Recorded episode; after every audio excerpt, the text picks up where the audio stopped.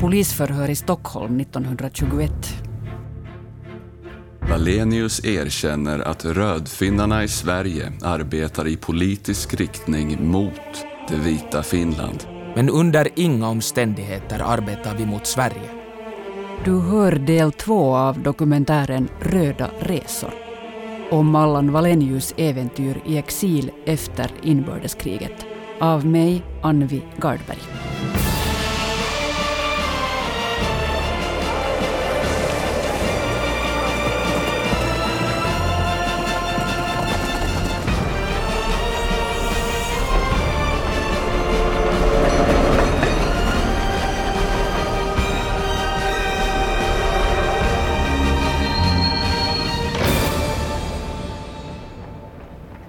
Finlands borgare ska snart finna att den vita armén i Finland är till sin övervägande del röd. Kulorna från de egna gevären kommer att träffa ofta nog egna vita officerare istället för röda klassbröder. Allan anländer till Stockholm den 22 februari 1919. Han skriver artiklar för de svenska vänstertidningarna. Han blir invald i Kominterns Stockholmskommitté. Han är utan legitimationshandlingar, men han får en skrivelse av riksdagsman Fredrik Ström och rådet att ta sig till Nås i Dalarna. Där finns en välvilligt sinnad landsfiskal som beviljar Allan rätt att vistas i Sverige som politisk flykting. Jag bad Finlands kommunistiska parti sända mig till Sverige för att göra propagandaarbete. Allans fästmö Alice har delat rum med sin kusin på Söder i Stockholm.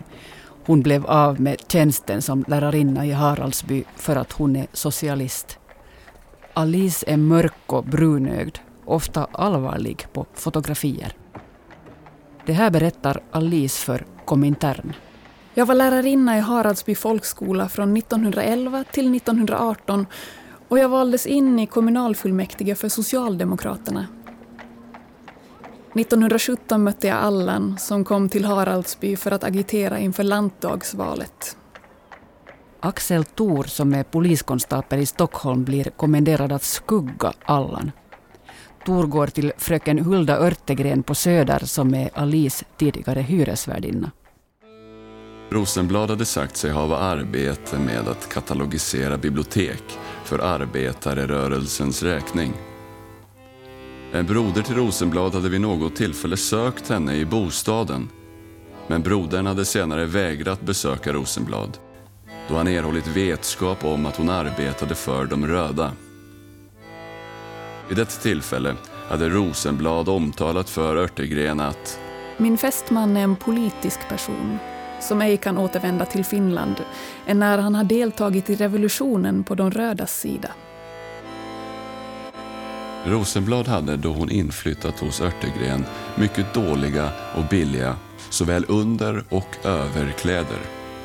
Men efter en kort tid hade hon köpt sig mycket fina och dyrbara underkläder, klänningar och andra klädespersedlar. Hon hade nu, i motsats till förut, haft mycket penningar och festat om mycket.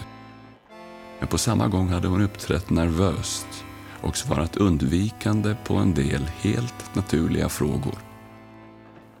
I Stockholm arbetade jag den första tiden för Finlands kommunistiska parti och skickades en gång på uppdrag till Finland av den illegala finländska kommittén. Några dagar före den första mars i år hade Rosenblad varit ytterligt nervös. Och då hon av Örtegren blivit tillfrågad om orsaken härtill hade hon svarat att hennes fästman nu kommit till Stockholm. Hon hade samtidigt sagt upp sitt rum till den första mars. När vi gifte oss hade vi intet, utan bodde i ett litet rum på Söder. Till Alice. Vi har väl ej hem. Vi har väl ej härd. Men vi har vår framtidsvärld. Vi har vår längtan från år till år. Vi har vårt hopp om en evig vår.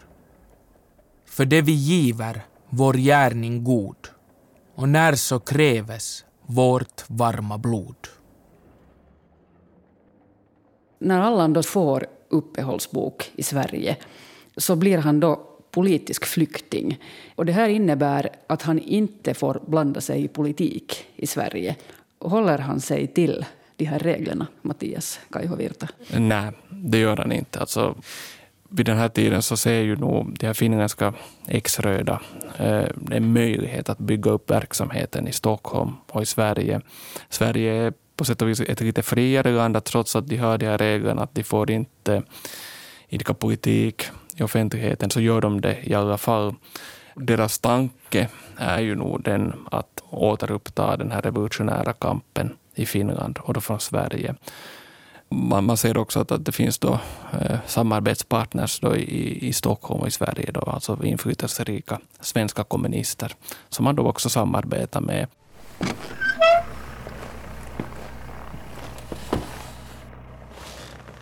Finland är en stor proletärgrav från Kittilä till Kivineb. Åderlåtningarna i Tammerfors, Lahtis, Viborg och annorstädes. Tortyren, uthungrandet vid fånglägren. Allt detta trodde man skulle förlama proletariatet för århundraden. Förinta hela dess strävan, utrotande frihetsrörelsen med dess rötter. Men nej. Samhällets bottensats är som förgjord. Först genom våldet blev den en makt att räkna med.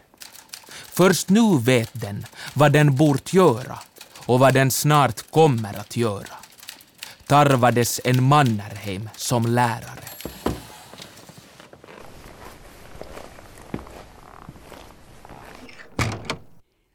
Allans ungdomsvän Fredrik Wahlroos är chefredaktör för Svenska Tidningen i Finland. För några år sedan var de båda radikala socialister. Men nu är Wahlroos i det borgerliga och nationalistiska lägret. Han upptäcker att Allan hyllar Rådsryssland i Folkets Dagblad Politiken. Artikeln är hela fem spalter lång. All den stund den är skriven av Allan Wallenius innehåller den inte en enda upplysning, visar inte på ett enda faktum. Där finns både om att böndernas misstro börjar försvinna, om hur oerhört produktionen gått framåt, om hur skolväsendet utvecklats så att det lovar bländande resultat. Observera, bländande. Givetvis finns där på varannan rad orden brinnande, stridsglad, ljus, segertro, triumf, jubel. Så där som Valenius alltid plägat rada sitt röda pärlband. Finlands riksföreståndare Mannerheim har gjort ett statsbesök i Sverige i februari samma år, 1919. Folkets Dagblad Politiken har skrivit elakt om Mannerheim och nu står ansvariga utgivaren Otto Grimlund åtalad. Allan skriver hans försvarstal som också trycks som pamflett. Mannerheim den blodige eller den vite djävulen Allan förklarar att Folkbladet bara ärligt återger vad de svenska arbetarna tänker om Mannerheim. En blodig kapitalistdräng, arbetarmördaren och mördargeneralen. Allan anser att Mannerheim bär ansvar för den vita terrorn i Finland för att röda fångar har arkebuserats under kriget 1918 och för att de har lidit svält och dött i fångläger. Mannerheim är inte enbart äventyrare, kondottiär och en imperialismens skoningslösa legoknekt, utan även hycklare. Mannerheim vill visa sig mild genom att benåda röda som inte har varit i ledande ställning, men arbetarna kan han inte lura, skriver Allan. Under 1919 hinner Allan ge ut en diktsamling, översätta revolutionära böcker och skriva om Rådsryssland för pressbyråerna Vänsterpress och Rosta. Axel Thor. Valenius synes vara den ledande personen inom förlagsaktiebolaget Fram som uppgives ha genom Valenius mottagit betydande understöd för sin eh, propagandaverksamhet. I december 1919 föds vår son Ai West. Hans klara och stora blå ögon lyser av glädje och hans hud är mjuk som sammet. Rund är han om kinderna utan att vara en sån där vanlig fullmånsbarnrumpa. 1920. Allan skriver brev till sina föräldrar. Här mår vi bra och fullt med arbete har vi. Och det dröjer nog inte länge mera innan det arbete krönes med lite bättre framgång än hittills. Även om framgången redan varit långt ifrån liten. I alla fall är det snart slut på de vitas herravälde. Inte bara i Finland, utan i hela världen. De kan ännu sitta i något år. Till och med här i Sverige börjar det nu lukta revolution. Med varmaste hälsningar till er båda. Var icke oroliga. Här går som sagt allt oss väl i händer. Er, Aivest, Alice och Allan. I februari 1920 får detektiva centralpolisen i Finland in en rapport av detektivchef Vuoksi i Mariehamn. Han skriver att de finländska flyktingarna i Stockholm beter sig jämförelsevis hyggligt då asylrätten i annat fall skulle förvägras dem. De håller till på hotellreisen och Allan Valenius syns ofta med en svensk kamrat. För övrigt berättas det om Allan Valenius att han lever av bolsjevikpenningar och har köpt sig en större gård vid Klarabergsgatan dit också kommunisten Erik Jorpes har sagt sig ämna flytta. Men Allan och Alice bor inte alls på Klarabergsgatan utan på Söder. På Heleneborgsgatan 25B3 har vi andelshus på avbetalning. Som kuriositet må nämnas att fru Alice Valenius alltid går klädd i rött. Röd kappa, röd klänning, röd hatt, röda kängor och för övrigt mycket elegant.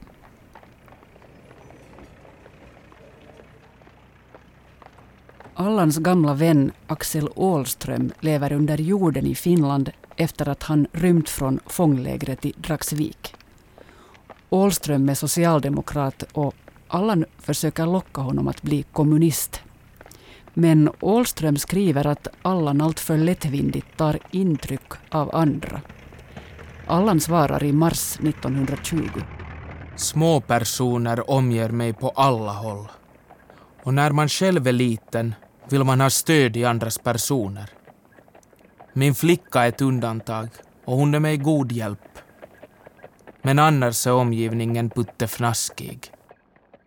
Jag känner ensamheten ovanligt intensiv omkring mig. Det är socialisterna i Sverige som Allan tycker är små.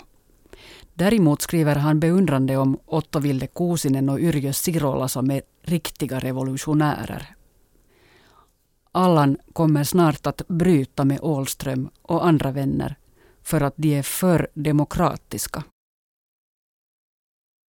På sätt och vis är det ju typiskt att de här som gick i exil 1918, de här röda som hade varit i en slags ledande ställning så att de liksom radikaliseras och blir kommunister. Att vi ska komma ihåg början dess från Otto Ville Kuusinen som hade varit ganska på sätt och vis moderat 1917 så blir han då en, en radikal kommunist och, och, den som leder de facto sen kommunistpartiet.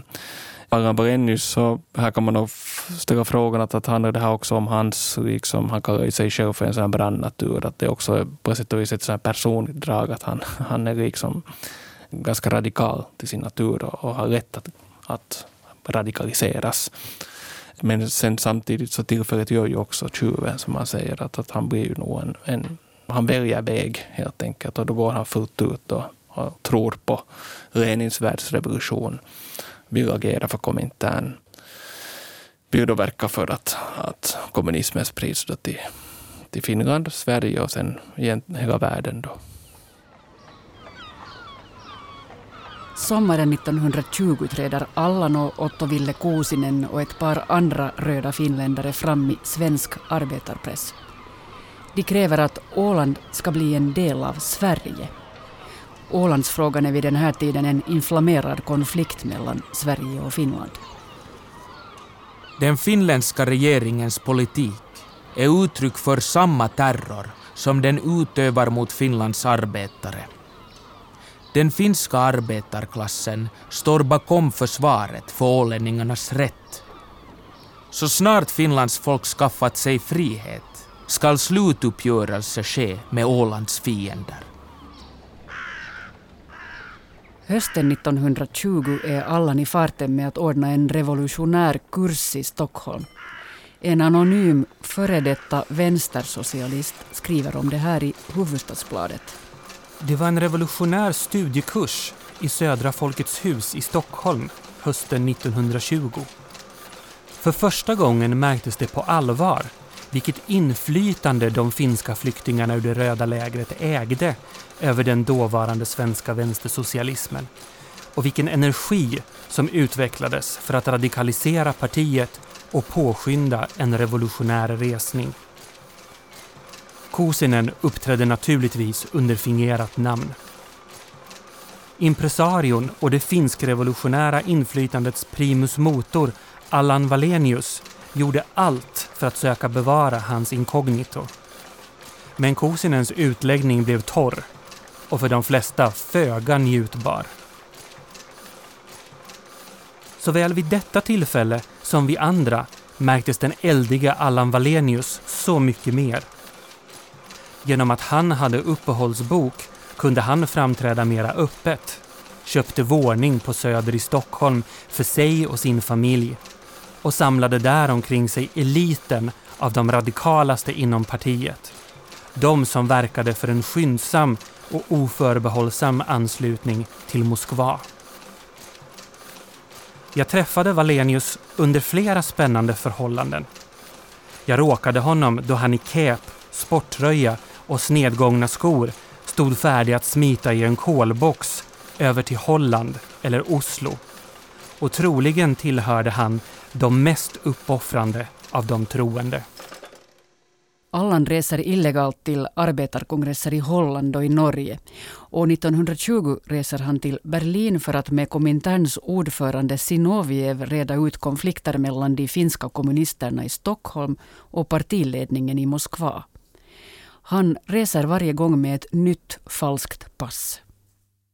Inom kort tid efter Wallenius ankomst hit visade det sig att han skäligen kunde misstänkas vara hitsänd för särskilt ändamål och att han intog en mycket framskjuten ställning bland de revolutionärer som här arbetade med planer på samhällets omstörtande.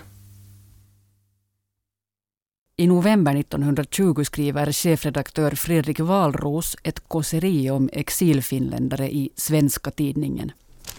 Allan Wallenius, den obotliga femteklassisten med all sin ytlighet, sin gränslösa berusning av allt som heter fras och slagord, vilka han älskade och plagierade med tjänstvillig iver. Han var revolutionär mest därför att ordet revolution lät så oerhört brusande och rivande. I grund och botten var han som sagt en välartad ehuru storordig konventsgosse som kommit i dåligt sällskap. Allan är full av framtidstro i januari 1921 när han skriver till sina föräldrar i Åbo. Han ber Sigrid och August hitta någon som kan resa till Sverige med några tavlor, jakten i aftonstämning och den granna i guldramen. Han vill också ha böcker och en bokhylla. Vi ska se hur länge det räcker innan jag blir svensk medborgare. Sen är det ju ingen anledning att komma tillbaka till det där abderitiska Finland utan då kommer ni båda hit. Men som sagt, det kan ju räcka och man vet ej vart man hamnar innan denna vinter gått till ända. Ty det kommer att ske stora ting ute i världen i vinter och vår. I Norge stramar reaktionen just nu till. Ett angrepp mot arbetarna. Det blir väl ett litet också här. Men inom kort är reaktionsperioden i Norge över. Klasskrigen i Tyskland blir väl slutförda i vinter, hoppas jag. I England börjar de. Flera finländska kommunister åker fast i Skandinavien och pressen berättar om hemliga militära planer. Man talar om i, i, i media, eller i, i den här svenska högerpressen, mycket med en sån röd komplott som planeras av de finska röda. Och det handlar om det att man tror att man har belägg för det, att, att de här finländska röda planerar ett nytt revolutionsförsök i Finland, men att också att det här ska sprida sig till Sverige. Om det faktiskt fanns den här liksom faran att, eh, att de ska lyckas, så, så det betvivlar jag, för att det fanns nog inte de resurserna att de ska kunna genomföra det här. Men eh, däremot så anser ju nog högerregeringen och säkerhetspolisen, både i Finland och Sverige, att det här eh, fara och att de håller på att planera en, en ny tja, en slags statskupp då kan man säga. En revolution helt enkelt. Och det är det som det handlar om, det här, det här målet och den här röda komplotten. Allan Valenius och Yrjö Sirola arbetar för högtryck när de svenska vänstersocialisterna ska hålla partikongress i mars 1921. De fixar pengar till resa och uppehälle åt de partimedlemmar som lovar rösta på rätt falang, berättar den före detta vänstersocialisten i Hufvudstadsbladet.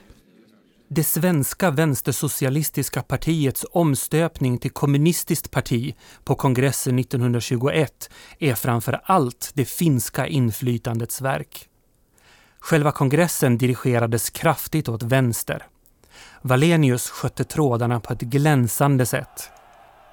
Segern var så lysande för de finsk-ryska bolsjevikerna att Valenius ej längre kunde upprätthålla ens skenet av att fylla sin plikt mot polisen, nämligen att aldrig blanda sig i politik.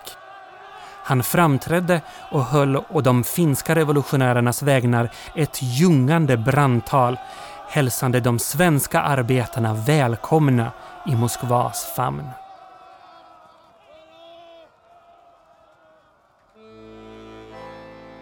I juni 1921 kallar poliskonstapel Axel Thor in Allan Valenius för nya förhör.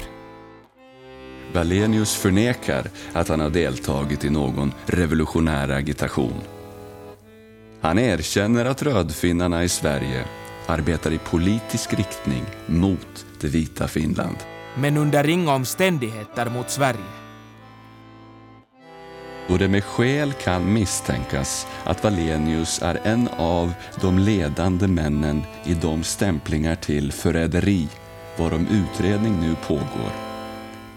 Har kriminalkonstapel Järpe, åtföljd av två andra polismän, torsdagen den 9 juni gjort ett besök i Valenius bostad i huset nummer 25B Heleneborgsgatan, varvid iakttagits att Valenius hustru i en kakelugn bränt papper som vid polismännens ankomst ännu glödde. Det går till så här. När polisen ringer på säger tjänsteflickan att varken Allan eller Alice är hemma. När polisen ringer på en timme senare har Alice bränt papper. Den svenska polisen är artig. När de kommer för att arrestera Allan låter de honom först gå hem och äta middag.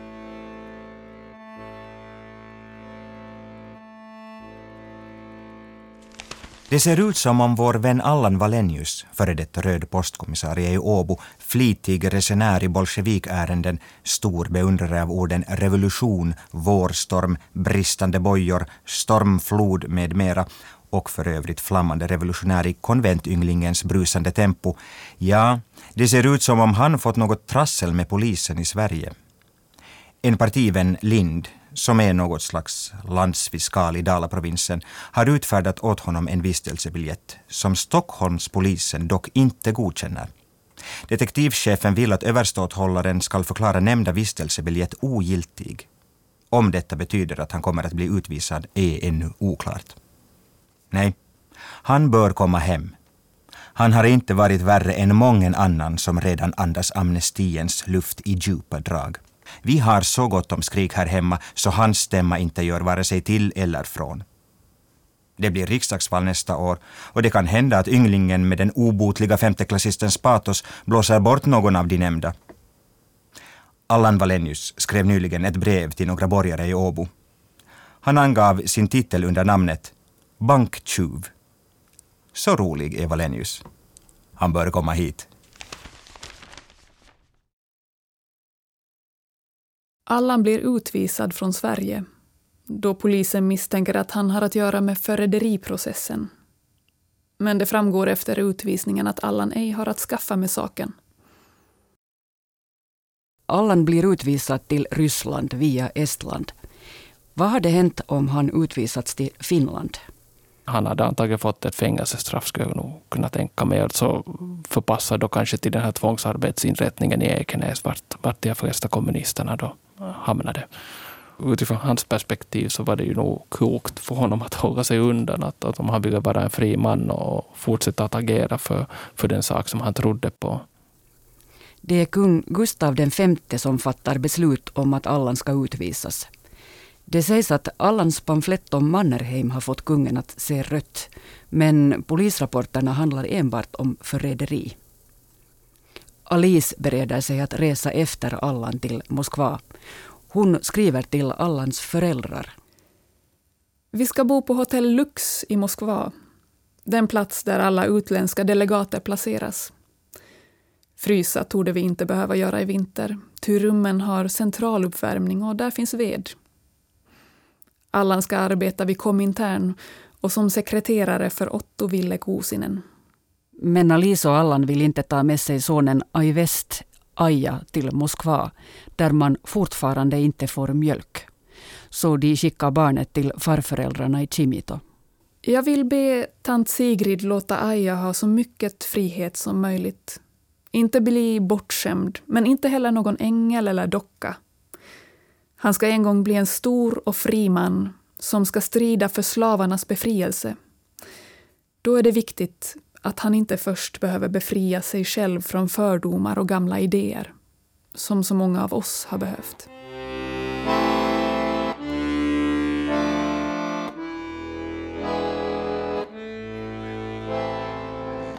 Härmed får vördsamt rapporteras att finske undersåten, bibliotekarien Allan Wallenius blivit onsdagen den 22 juni uttagen från fängelset och samma dag förd ombord och ångfartyget Egil med vilket Wallenius därefter avrest ur riket.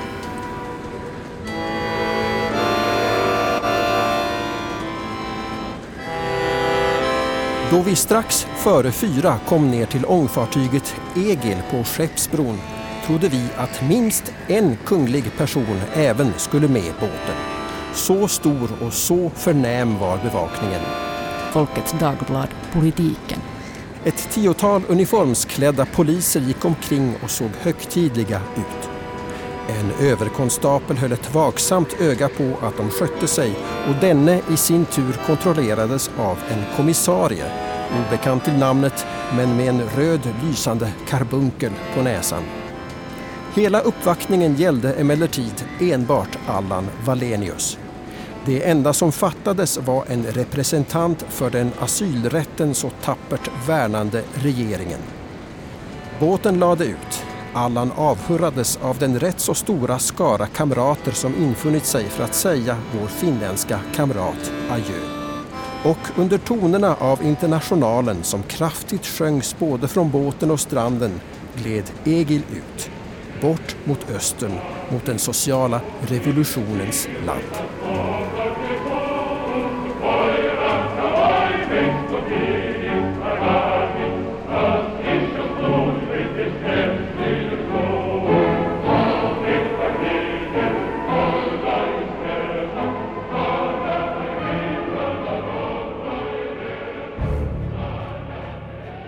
Du har hört Röda resor om Allan Wallenius äventyr i exil efter inbördeskriget. Med Tom Reiström, Andrea Björkholm, Oskar Pöysti, Jon Henriksen, Stefan Winniger och Tobias Larsson och historiker Mattias Kaihovirta. Ljuddesigner var Mikael Grönros, producent Staffan von Martens och dramaturg Are Nikkinen. Manus och regi av mig, Anvi Gardberg.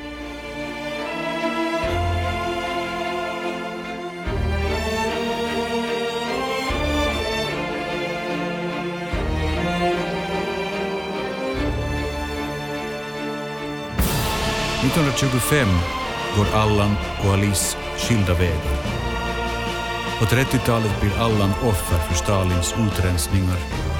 Han dör i fångenskap 1942. Alice lever däremot ett långt liv som Sovjetmedborgare och dör 1966 i Moskva.